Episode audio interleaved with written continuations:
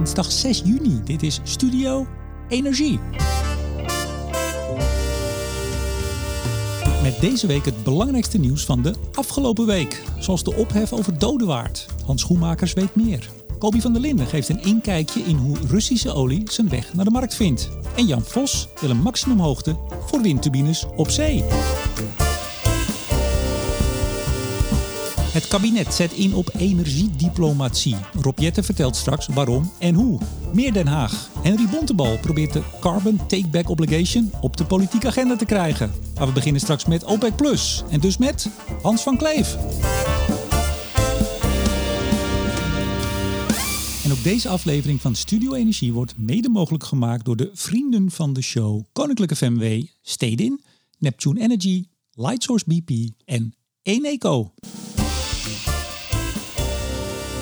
Ze het of doen ze het niet? Dat was zondag de grote vraag. Komt OPEC Plus opnieuw met een verlaging van de olieproductie? Er was koortsachtig overleg voor de vergadering, die dan ook later begon. En die duurde vervolgens, die vergadering, die duurde maar door. Uiteindelijk was er een besluit. Hans van Kleef, senior energie-econoom bij Publieke Zaken. Wat heeft OPEC Plus besloten? Nou, uiteindelijk heeft OPEC Plus dus besloten om uh, vooral de productieverlaging in 2024 aan te kondigen. Uh, ze gaan ook de productiequota per land opnieuw uh, vaststellen. Um, en, en uiteindelijk heeft Saoedi-Arabië ook nog een keer, maar dat is echt op eigen titel, um, de productie zelf voor de maand juli verlaagd. Maar dat was zoals um, uh, prins uh, Abdulaziz bin Salman zelf zei, een zoethoudertje voor de markt. Ja, want er was veel gedoe en vooral met Afrikaanse landen. Wat was er aan de hand? Ja, nee, in principe, als, als je kijkt naar, landen zoals Nigeria en Angola, die hebben, nou alle landen hebben natuurlijk een bepaald productiequota. En deze twee landen, en Congo ook een beetje, ja, die produceren bij lange na niet uh, wat ze eigenlijk zouden mogen doen. Um, nou, dat tot frustratie van met name de Verenigde Arabische Emiraten. Die wil juist heel veel meer doen. Hè. Die heeft veel meer productiecapaciteit, uh, maar kan die productie niet verhogen, omdat ze natuurlijk in een, met een totaal OPEC plus plafond werken. Dus eigenlijk was het voorstel om um, ja, Nigeria, Congo en Angola uh, een, lager quotum te geven, zodat zij um, ja, meer in lijn met wat ze echt produceren, zodat die ruimte dan ter beschikking kan komen aan de Emiraten. Maar ja, dat is een, ook een ego-dingetje, dus dat, dat was best een lastige discussie en daardoor duurde het en duurde het en duurde het. Ja, want zagen we hier nou de eerste scheurtjes in OPEC plus? Ja, deze discussie loopt al heel erg lang. Ik denk dat dat op zich wel meevalt. Ook Nigeria en Angola zijn OPEC-leden, dus niet per se OPEC+. Plus. Uh, als je het hebt over OPEC+, Plus, dan, dan zijn er andere problemen. En dat heeft met name te maken met of Rusland wel of niet zich aan de afspraken houdt. En nou ja, goed, uiteindelijk is tijdens de vergadering gezegd dat ze alle vertrouwen in hebben dat Rusland keurig doet wat ze zeggen te doen. maar we weten natuurlijk allemaal dat er best veel Russische olie naar de markt komt. En dat zij zich misschien helemaal niet zo sterk houden aan die afspraken. Dus dat dat is denk ik eh, het grootste risico voor de vergaderingen van OPEC Plus voor de komende periode. Wat, uh, wat heeft de markt gedaan maandagochtend? Uh, maandagochtend zagen we eigenlijk uh, uh, de, de, ja, de markt doorzetten op waar ze vrijdag al in hadden gezet. Dus vrijdag zagen we een, een stijging van 2, 3 procent. En nu vandaag op maandag zien we er ook weer 2 procent bij komen. Dus dat brengt een vat Brentolie op bijna 78 dollar per vat. Ja, dus heeft dit nou allemaal, want het was een drukte hè, zondag en de analisten, iedereen volgde het. Heeft dit nou veel betekend? Nee, uiteindelijk uh, is de betekenis tot nu toe heel erg weinig geweest. Uiteindelijk zien we ja, een productieverlaging van Saoedi-Arabië alleen voor de maand juli. Nou ja, dat is te weinig om die prijs echt serieus hoger te brengen. Um, wat interessanter was, is dat het natuurlijk is doorgerold. Dus voor twee, heel 2024 zien we lagere productie. Maar dat is niet heel veel anders dan dat we eigenlijk voor dit jaar al zagen. Uh, dus in die zin uh, is de markt vooralsnog uh, redelijk, ja, de marktimpact redelijk beperkt. 24 juni, Hans, zaterdag hebben wij een nieuwe marktupdate. Yes. Tot dan. Tot dan. Windmolens op zee. Vorige week pleitte Jan Vos, voorzitter van de NWA, de branchevereniging van de windsector, voor een maximumhoogte voor windmolens op zee. Dat deed hij in Istanbul tijdens een overleg met de voorzitters van de andere Europese windorganisaties. Eerder pleitte uh, David Molenaar, baas van Siemens Gamesa in Nederland, hier bij Studio Energie ook al voor zo'n maximum. Jan Vos, uh, windturbines op zee, maximaal 1000 voet. Waarom? Um, nou, we zien dat uh, de grote uh, turbinefabrikanten. Uh, die maken eigenlijk allemaal op dit moment verlies, miljarden euro's per jaar. Omdat we voortdurend groter, grote turbines bouwen.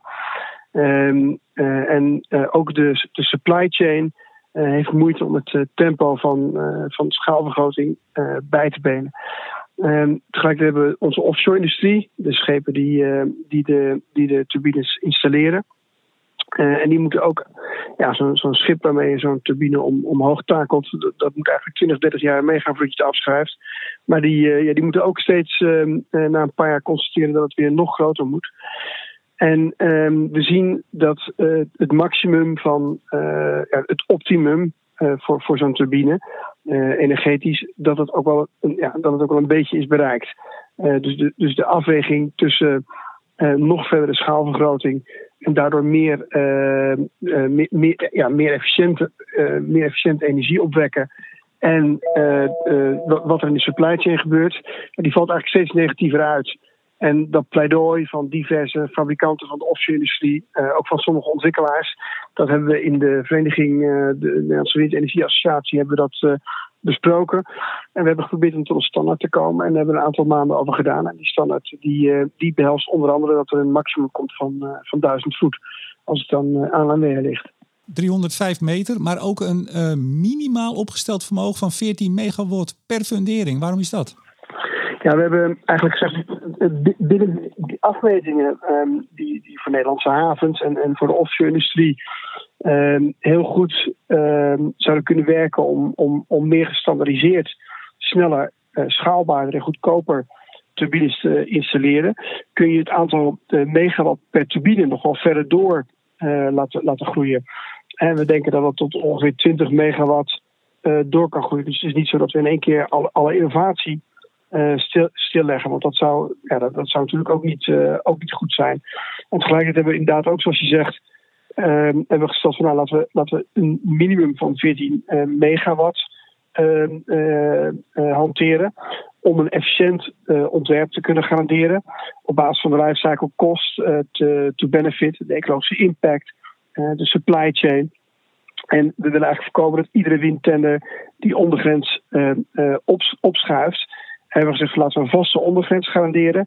Die aansluit op de technologie uh, die de toeleveringsketen ook in het kader van standaardisatie ondersteunt. Hoe is de oproep ontvangen in Istanbul bij de collega's? Positief.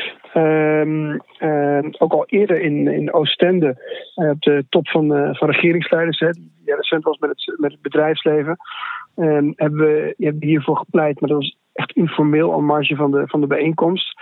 Daar werd ook al verrassend positief gereageerd. Um, en nu hebben we het uh, wat formeler besproken uh, in, in Istanbul. Eigenlijk alle nationale brancheverenigingen van Europa um, en die van Turkije en het Verenigd Koninkrijk. En daar, daar werd heel positief gereageerd. Um, en nog later deze maand gaan we het ook formeel in het bestuur van Wind Europe bespreken. Dat is de Europese koepel eigenlijk van alle brancheorganisaties. En um, ja, daar zal dan uh, een startschot worden gelanceerd om ook op Europees niveau een consensus te, eh, te bereiken. Uh, zoals we dat in, in Nederland inmiddels voor elkaar hebben. Nou, succes daarbij en, uh, en, en dank. Jan Vos, voorzitter van de NWA. Graag gedaan. Vorige week sprak de Tweede Kamer met minister Jetten. Een van de onderwerpen, de Carbon Take-Back Obligation. Waar Margriet Kuiper, ook vorige week hier bij Studio Energie, een pleidooi voor hield. Tot nu toe ziet het kabinet geen brood in zo'n verplichting voor de fossiele sector om wat het aan koolstof uit de grond haalt, er ook weer in te stoppen. Reden voor CDA Tweede Kamerlid Henry Bontebal om de minister dringend te verzoeken om dat standpunt te heroverwegen. Nou Henry, heeft de minister dat gedaan? Nou, ik kreeg nog niet echt het idee dat hij heel erg lenig was in um, zijn opvatting over de carbon take-back obligation. Um, in de eerste instantie uh, vergat hij überhaupt mijn vraag te beantwoorden, dus daar moest ik nog wel even op aandringen. Nou, uiteindelijk kwam er een, een, een zuinig antwoord. Ik kon hem niet veel verder krijgen dan ik zou er eens met mijn Britse collega over spreken. Nou ja, wat ik achter de schermen wel probeerde te doen, is even te kijken wanneer dat gesprek dan plaatsvindt. En uh, nou ja, misschien dat er achter de schermen ook wat informatie die uh, kant op kan van die Britse minister. Maar het was nog niet heel, uh, niet heel ruim. Maar goed, de aanhouden wint. er, zijn vaak, er zijn wel vaker onderwerpen waar je even moet duwen. En ehm, ehm, ja, meestal uh, als CDA-Kamerlid krijg je uiteindelijk natuurlijk altijd wel je zin. Althans, dat hoop ik. Hey, die, die, die carbon takeback obligation, die, die helpt of ja, die helpt het eigenlijk het borgen dat die klimaatdoelen worden gehaald. En ook nog eens tegen de laagst mogelijke systeemkosten. Daar kan het kabinet toch niet tegen zijn? Nee, dat zou je denken. Maar kijk, het argument wat wordt gebruikt om het toch niet te doen, is de angst voor een toch een soort, ja, wat ze noemen fossiele lock-in dus dat deze, de, deze maatregel, deze beleidsmaatregel, toch een soort extra ruimte geeft aan uh, fossiele energiebedrijven om uh, olie en gas uh, uit de bodem te blijven halen. en ja, als je maar genoeg van die, van die certificaten gaat kopen, dan kan je, het dan, kan je het dan oplossen. Ik denk zelf dat je dat zo niet hoeft te doen, dat het gewoon aanvullend kan zijn. En dat het eigenlijk een extra stok achter de deur is om juist klimaatdoelen met zekerheid wel te halen. Dus ja, ik hoop echt dat uh, minister Jet op dit punt nog een beetje uh, bijdraait en bijleest. Ja, want jij gaat in de gaten houden of hij het met zijn collega gaat bespreken. Maar inderdaad, ik, ik zag het uh, debat. op het allerlaatst moest je me nog aan herinneren dat je nog een antwoord wilde. hij was bij wijze van spreken figuurlijk al met de jas aan half de deur, de deur uit. ben jij wel een roepende of niet in de woestijn? Oftewel, zien andere Kamerleden ook hier brood in? Want anders wordt het een, eenzaam, een eenzame strijd. Heel eerlijk denk ik dat uh, er is nog weinig aandacht uh, voor geweest. Ik heb, uh, ik heb het zelf wel in meerdere debatten al genoemd. Um, het heeft tot nu toe weinig tractie gekregen, eerlijk gezegd. Um, um, en dat is dus ook het risico. Kijk, als ik, ik kan natuurlijk in een twee minuten debat meteen een motie indienen met een opdracht aan het kabinet en aan deze minister om het op absoluut wel serieus te nemen. Maar als die motie het dan niet haalt, ja, dan heb ik nog niks bereikt. Dus ik, ik moet zelf even geduld hebben en even nog wat uh, masseerwerk doen. Uh, en wellicht dat het dan uh, over een tijdje wel, wel, wel lukt. Ja, en het kan ook gewoon zijn dat er gewoon geen draagvlak voor is. Ja, je verliest wel eens vaker een, een gevecht hier. Dat, dus dat, dat kan. Je kunt sowieso zeggen dat ze gewoon even de uitzendingen van Studio Energie met Margriet Kuipen kunnen ze googelen, kunnen ze twee keer drie kwartier ruim kunnen ze luisteren, alle ins en outs. En dan zijn ze natuurlijk overtuigd, hè? Dat, dat denk ik sowieso. het is sowieso goed voor Kamerleden om gewoon Studio Energie uh, regelmatig te beluisteren. Want anders loop je echt heel erg achter. Um, maar er zijn ook andere onderwerpen waar, je, waar ik in het begin echt wel een beetje moest trekken. En uh, op een gegeven moment krijg je toch je zin. Ik ben ooit begonnen over die SMR's. Nou, dat staat nu in het klimaatpakket van Jette. Tuurlijk, het is nog niet helemaal geregeld. Maar je kunt wel echt stappen zetten als je iets helemaal aan de voorkant agendeert. Ik ben ook ooit begonnen over die negatieve emissies. Stond toen ook niet op de agenda. Ja, en nu zie je dus dat het langzaam in het, uh, in het klimaatpakket wel echt een plek uh, begint te krijgen. Dus het is hier ook een beetje de aanhouden wind, denk ik. We gaan het volgen, dankjewel. Graag gedaan.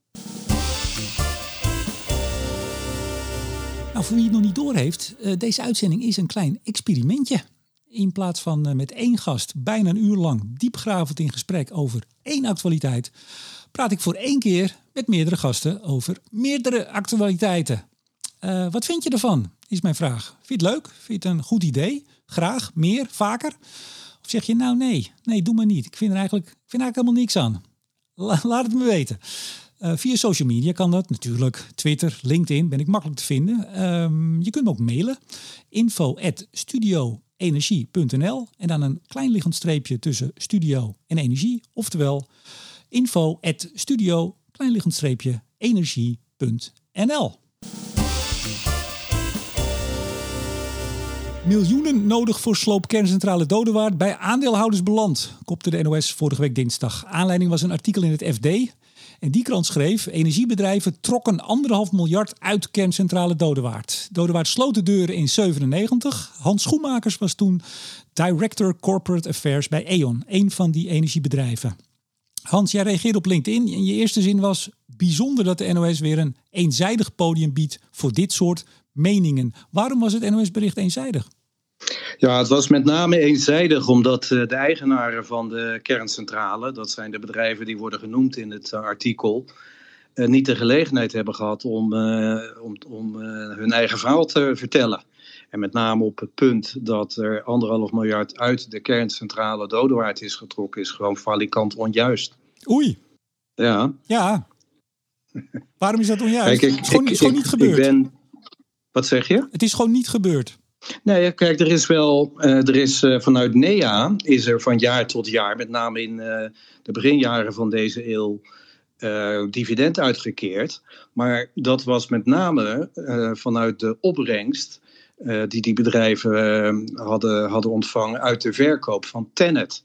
Tenet is bij, bij de, de, zeg maar de opening van de elektriciteitsmarkt, net daarvoor, in 1999, 2000 verkocht door die bedrijven aan, uh, aan NEA, of oh, sorry, aan de staat. Mhm. En dat bedrag, wat niet uh, uh, bedoeld was, uh, überhaupt niet voor, voor GKN, dat is in, in delen uitgekeerd in dividend. Maar er is nooit aan het vermogen het financiële vermogen van, van GKN, van de kerncentrale, gebeurd. Ja, want hoe verhouden zich dan NEA tot GKN?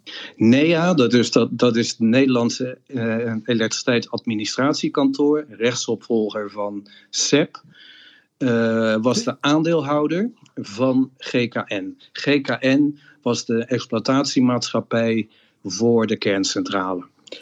En de vier bedrijven die een aantal keer genoemd zijn, die uh, waren de aandeelhouders uh, in NEA. Wat ik ook miste in, in die artikelen was dat eigenlijk die Dodewaard, dat was een soort demonstratiecentrale die de overheid gewoon graag wilde. Ja, die zei gewoon, nou, bouw dat ding. Ja, dat klopt. En dat, dat is zeg maar inhoudelijk ook het uh, punt. We worden wel eens te vervuilen be, betaald. Maar ja, de staat wilde dit. De, vanuit de jaren 50 was er al een geluid van ja, we moeten kijken of we ook niet andere bronnen voor elektriciteitsopwekking kunnen, kunnen verzinnen, anders dan kolen. En er werd ook gekeken naar kernenergie.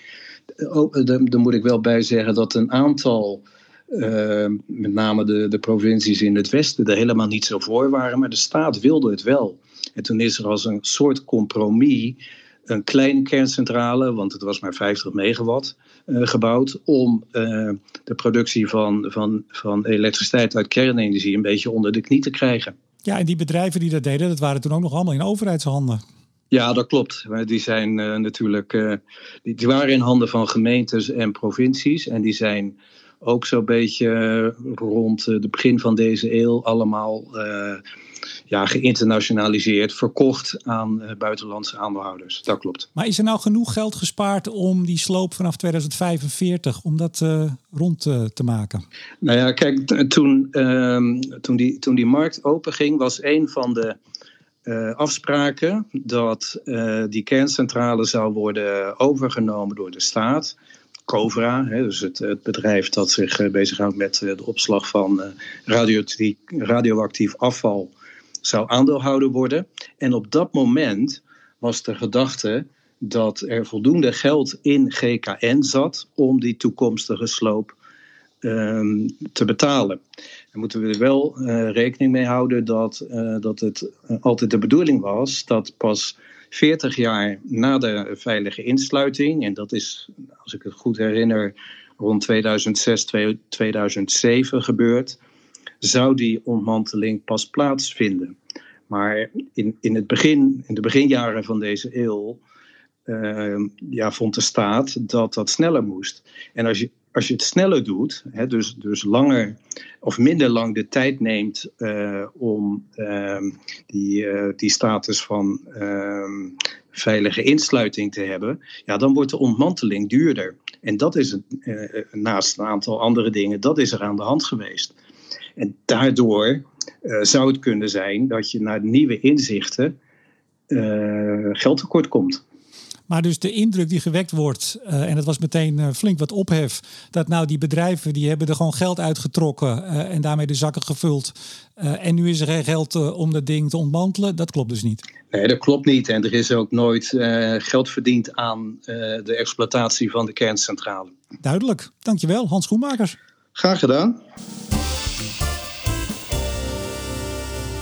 Persbericht afgelopen vrijdag van het kabinet. Voor de import van groene waterstof gaat Nederland actief inzetten op energiediplomatie. Rob Jetten, minister voor Energie en Klimaat. Excellentie, wat is energiediplomatie? Ja, we weten dat we de komende uh, decennia ontzettend veel groene waterstof nodig gaan hebben. Uh, en dat we die voor deel in Nederland kunnen produceren met overtollige elektriciteitsproductie van de Noordzee bijvoorbeeld. Maar dat dat nooit genoeg gaat zijn om aan uh, die waterstofbehoeften te voldoen. Dus we zullen ook import van waterstof nodig hebben. En om ervoor te zorgen dat Nederland op tijd overal een voet tussen de deur heeft, voor de relaties met potentiële exporterende landen, voor het sluiten van contracten met exporterende partijen. Gaan we dus inzetten op energiediplomatie. Om daarmee ervoor te zorgen dat ja, Nederland daar een hele sterke positie heeft. Maar ook dat we niet afhankelijk worden van één of enkele landen.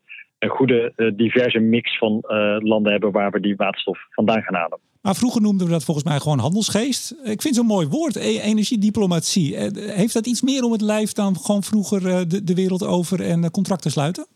Ja, ja dat is, het is inderdaad een mooi woord. En het, een heel groot deel van die energiediplomatie zal ook bestaan uit handelsmissies en handeldrijven. Um, maar we vinden het belangrijk om wel een paar lessen te trekken van het fossiele tijdperk van de afgelopen decennia. Dus Voorkom uh, overafhankelijkheid van één of enkele landen. Uh, voel je ook verantwoordelijk om in die landen uh, onder de juiste voorwaarden die groene projecten te helpen realiseren en de import deze kant op te halen. en kijk ook of dat je echt bestendige relaties kan opbouwen met een aantal bevriende landen waar je ook elkaar kan helpen in, in deze energietransitie. Dus het gaat deels over overheden die met overheden samenwerken. Het gaat deels ook over het eh, Rotterdamse havenbedrijf die over de hele wereld eh, nieuwe samenwerkingen met eh, exporterende havens aangaat. Maar het is ook echt een stukje handelsmissies waarbij we grote Nederlandse afnemers, grote Nederlandse industrieën proberen te koppelen aan de waterstofproducenten elders in de wereld. We hebben allerlei gezanten hebben we gehad. En misschien hebben we ze nog steeds wel, hè? klimaatgezant. Krijgen we ook een energiediplomaat? Gewoon een, een meneer of mevrouw die de, de functie krijgt? Ja, we hebben uh, al een energiegezant, uh, maar die richt zich uh, voornamelijk ook op de afstemming van internationaal beleid en internationale samenwerking. Dus wat we de komende tijd gaan doen is het organiseren van meer werkbezoeken en missies aan andere landen. Landen waar we of al akkoorden, memorandums of understanding heet dat dan in goed Engels, hebben afgesloten of dat de komende tijd nog gaan doen. Um, ik ga zelf, maar ook een aantal andere collega's in het kabinet eh, vaker ook eh, dat soort eh, reizen ondernemen. En af en toe gaat de koning zelfs mee. maar we gaan ook ervoor zorgen dat in die landen waar waarschijnlijk dan de meeste waterstof geproduceerd gaat worden, op die ambassades ook echt dedicated mensen aan het werk zijn om die energiediplomatie handen en voeten te geven. Ik zag in het persbericht staan, het moet tijdig, duurzaam, veilig en grootschalig van de grond komen, de waterstof. Dat betekent ook dat je naar landen moet misschien, die, eh, die dat inderdaad eh, grootschalig kunnen leveren, maar waarvan we misschien toch vinden dat het niet de allerfijnste landen zijn. Eh, gaat u die overslaan of worden die ook meegenomen? Nee, dat is een goede vraag. kijk, we zetten ook op de eerste plaats in op een aantal Europese partners, zoals Spanje, Portugal, die met de zon en wind veel waterstof zouden kunnen produceren, of de Noren, die daar ook uh, voor in voorop lopen. Maar we zullen ook de rest van de wereld uh, over moeten. We hebben al samenwerkingsverbanden met bijvoorbeeld Chili en Oman. maar zijn de samenwerking ook aan het intensiveren met Namibië, Zuid-Afrika en Saoedi-Arabië. en dat zijn dus ook landen waar we de komende tijd naartoe gaan. Dat zijn niet altijd landen die even goed scoren op alle onderwerpen. Uh, dus daar uh, zal, uh, nou, soms is daar dan onderdeel van hoe organiseer je het op een manier dat het geen of zo min mogelijk impact heeft op de leefomgeving. hoe zorg je ervoor dat ook lokale bevolking kan mee profiteren van dit soort energieprojecten. En daar heeft gelukkig ook de energiesector recentelijk, in ieder geval op het gebied van wind en zon, al een heel goed convenant voor maatschappelijk verantwoord ondernemen voor afgesloten. We willen eigenlijk die principes ook zoveel mogelijk op de waterstofmarkt toepassen. Tot slot, dit is groene waterstof vooral. Um, aardgas, olie, zeldzame aardmetalen, kritische grondstoffen, allemaal onder de energiediplomatie? Ja, ik sluit niet uit dat dat inderdaad steeds breder gaat worden. Kijk, we hebben afgelopen jaar natuurlijk onder de vlag van de Europese Commissie al veel uh, diplomatie gezien op het gebied van uh, aardgas, uh, ter vervanging van de Russische importen. En nu volle inzet op waterstof vanwege het belang ook om in Nederland de industrie te kunnen vergroenen. Maar er zijn veel meer grondstoffen die kritisch zijn en die we nodig gaan hebben. Elk jaar ga ik samen met de minister van Economische Zaken voortaan ook een monitor publiceren, een soort dashboard waarop je kan zien wat onze afhankelijkheid is uh, van die belangrijkste grondstoffen voor de klimaat- en energietransitie. Ja, daar zou best wel eens de conclusie uit kunnen zijn dat we breder dan alleen waterstof die betrekking met andere landen flink moeten intensiveren. Rob Jetten, minister voor Energie en Klimaat, hartelijk dank. Geen dank. Tot slot een fascinerend inkijkje in Russische ship-to-ship -ship transfers, oftewel het op zee overpompen van ja, Russische olie. Aanleiding is een artikel van Fortexa, een olie- en gasdatabedrijf. Dat artikel gaat over nieuwe locaties waar die Russische olie wordt overgepompt in andere schepen bij de Canarische eilanden en Kaapverdië. Kobi van der Linden, directeur van het Klingendaal International Energy Program. Waarom komen ineens nieuwe locaties voor het overpompen op? Waarom doen ze het niet gewoon waar ze het altijd deden? Nou, omdat dat uh, vroeger werd dat uh, op de Noordzee en ook wel uh, deels in de havens gedaan, zoals Rotterdam. En dat mag niet meer, want het is nu gesanctioneerd. Maar goed, ze doen het dus op zee. Nou ja, dan kan je op ja. een gegeven moment zeggen, nou, we hebben een paar plekjes waar we het doen en daar houden we het bij. Maar ze zoeken dus ook blijkbaar nieuwe locaties. Ja, ze zaten in de winter en dat heeft vooral te maken met de deining op de Atlantische Oceaan. Zaten ze voor de kust van Marokko bij Ceuta. En ze hebben ook nog een plek voor de kust van Turkije. Uh, waar, waar veel van dat soort ship-to-ship -ship, uh, gebeurt. En uh, nu, nu het wat rustiger op de oceaan wordt, zijn ze naar Kaapverdië vertrokken voor de kust daarvan. D dit mag niet omdat de Russen, de Russen ja, sancties aan hun broek hebben. Maar normaal, normaal mag je toch wel gewoon olie overpompen op zee, of niet? Nou, het, het zijn internationale wateren, dus daar, daar, daar vallen ze buiten de, de sancties. En dat wordt gedaan omdat de Russische schepen die vooral die uit de Oostzee komen, maar deels ook wel die, uh, die op de Zwarte Zee, die zijn te klein om die lange reis naar, vooral naar het Midden-Oosten en naar uh, India te maken. En dan heb je te, te weinig product bij je. Dus, uh, en de grote schepen vandaar, die komen tot, tot aan die ship-to-ship dingen. En dan pompen ze het weer over naar kleinere schepen. Maar onder de sancties mag dit dus niet?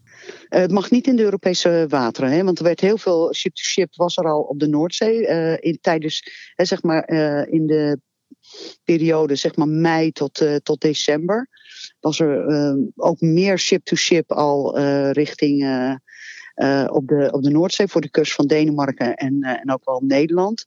en dat is nu allemaal naar of Ceuta in de winter en nu, en nu dus Kaapverdië vertrokken. Ja, uit dat artikel van Fortexa begrijp ik dat die activiteit van het ship-to-ship nu wel iets is afgenomen. Omdat vooral China en India gewoon ja, vaste klant zijn inmiddels. Daar gaat het meeste naartoe. Ja, ja dat klopt. Uh, uh, vooral India, 2 miljoen vaten gaan er naar India. En dan vooral veel uh, olieproducten, dus diesel, wat naar het Midden-Oosten gaat. En die gebruiken dat zelf en die zorgen dan dat hun eigen diesel met hun eigen olie gemaakt uit hun raffinaderijen. Die verschepen is dan weer naar Europa. En voor dat ship-to-ship, wat nu dus bij Canarische eiland Kaapverdië, zetten die schepen daar dan ook hun, hun, hun locatiebepalingsspullen voor uit? Of gaat het gewoon open en bloot, zodat zo'n bedrijf dat ook allemaal keurig kan in kaart brengen? Um, nou, dat hangt er een beetje vanaf of zij uh, uh, zaken doen onder het uh, prijsplafond. Hè, dus die price cap die erop zit of, of niet. Dus of ze, of ze verzekerd zijn, bij wie. Hè, maar er zijn ook al inmiddels is zo'n 15% van de oliehandel uh, ja, onttrekt zich zeg maar, aan de traditionele uh, dienstverleners uh, op, op olie. En die zaten voornamelijk in Europa, transport en, en verzekeraars. Ja, 15 procent. Maar dus ja. we weten hoeveel Het is niet, niet alleen weten. Rusland hoor. Ja. Dat is ook Iran en, en Venezuela. Dus in, in totaal. Maar er kan, zich dus, er kan dus geen olie verplaatst worden, ook al gaat het naar een, een soort schaduwmarkt, wat we niet weten. Ik bedoel, we weten hoeveel olie er, er uiteindelijk rondgaat. Nou, bij diezelfde Fortexa zie je dat het, uh, de hoeveelheid waarvan uh, niet bekend is waar het naartoe gaat en waar het vandaan komt, dat die wel groeit. Nou, ik zal het uh, artikel even in de show notes zetten. Kobi van der Linden, directeur Klingendaal International Energy Program. Hartelijk dank. Graag gedaan. En dan zeg ik tot zover het belangrijkste nieuws van de afgelopen week. Ik bedank Hans van Kleef, Jan Vos, Hans Schoenmakers, Hendrik Montebo, Rob Jetten en Kobi van der Linden. En uiteraard bedank ik ook jullie, beste luisteraars. En in het bijzonder alle vrienden van de show, waaronder Koninklijke FMW, Stedin, Neptune Energy, Lightsource BP en Eneco. Mijn naam is Remco de Boer. Graag tot volgende week.